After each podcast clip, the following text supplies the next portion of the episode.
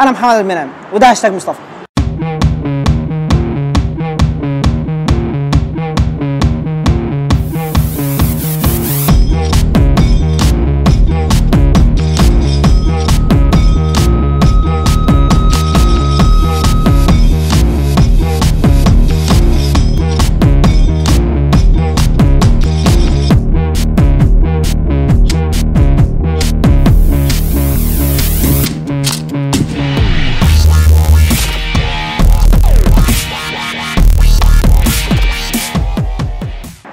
السلام عليكم ازيكم؟ ليه؟ تمام الحمد لله يا رب دايما.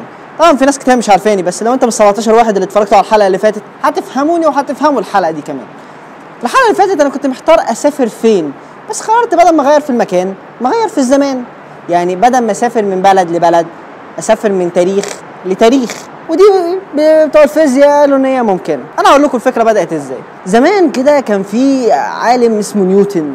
جاء عمل قلعة وسماها الفيزياء الكلاسيكية. الفيزياء دي كانت مبنية على شوية إيه ملاحظات. ومن أهم نظرياتهم إن التوقيت حاجة عالمية حاجة كده ماشية لوحدها.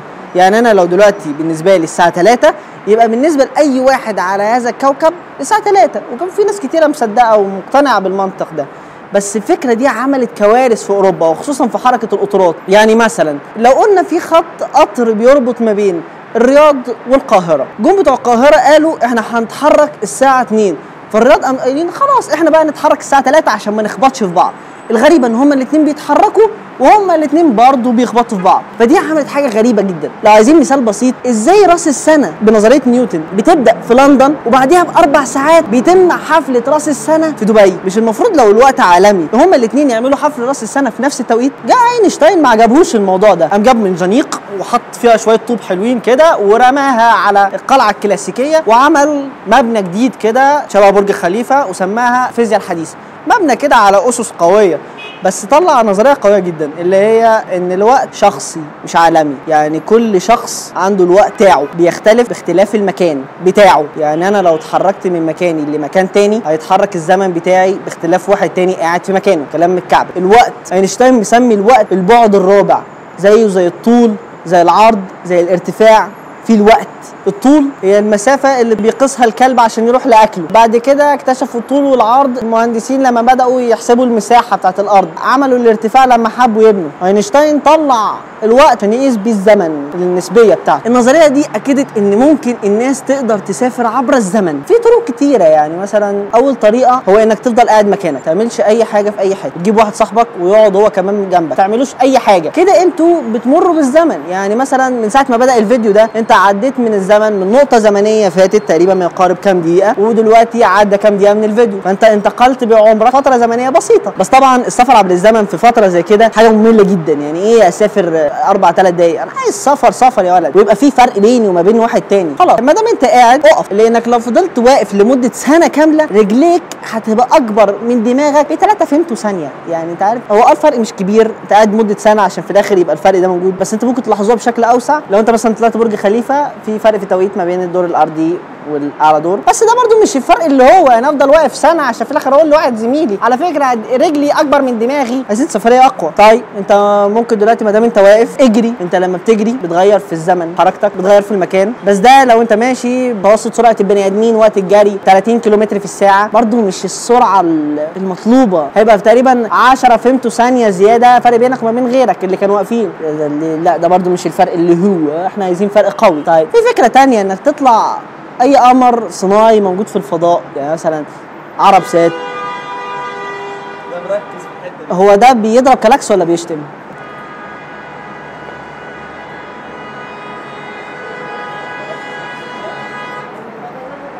لا عمرو الكلاكس قوي.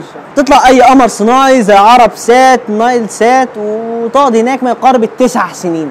لما هترجع للأرض هتلاقي إن اللي عايشين على هذا الكوكب عاشوا 10 سنين يعني فرق بينك وما بينهم. انت رجعت بالزمن سنة ورا. بس مش هو ده برضو الفرق ال- اللي انت عاوزه. اعيش تسع سنين في الفضاء وارجع. إذا كان 8 شهور وأنا رايح المريخ كنت مخنوق ومش عارف آكل إيه. المهم في حل تاني كده. انت ممكن تروح أي ثقب أسود اللي موجودين في الفضاء. تقعد هناك ساعتين بس تطلع تقعد ساعتين وترجع. ساعتين دول لما ترجع هتلاقي إن كوكب الأرض عدى عليهم 50 سنة. وده لأن الجاذبية بتاعت الثقب الأسود قوية جدا. جاذبية قدرت تشد أسرع حاجة موجودة في الكون اللي هي الضوء. تخيل كده حاجة قدرت تشد حاجة سرعتها 300 ألف كيلو متر في الثانية.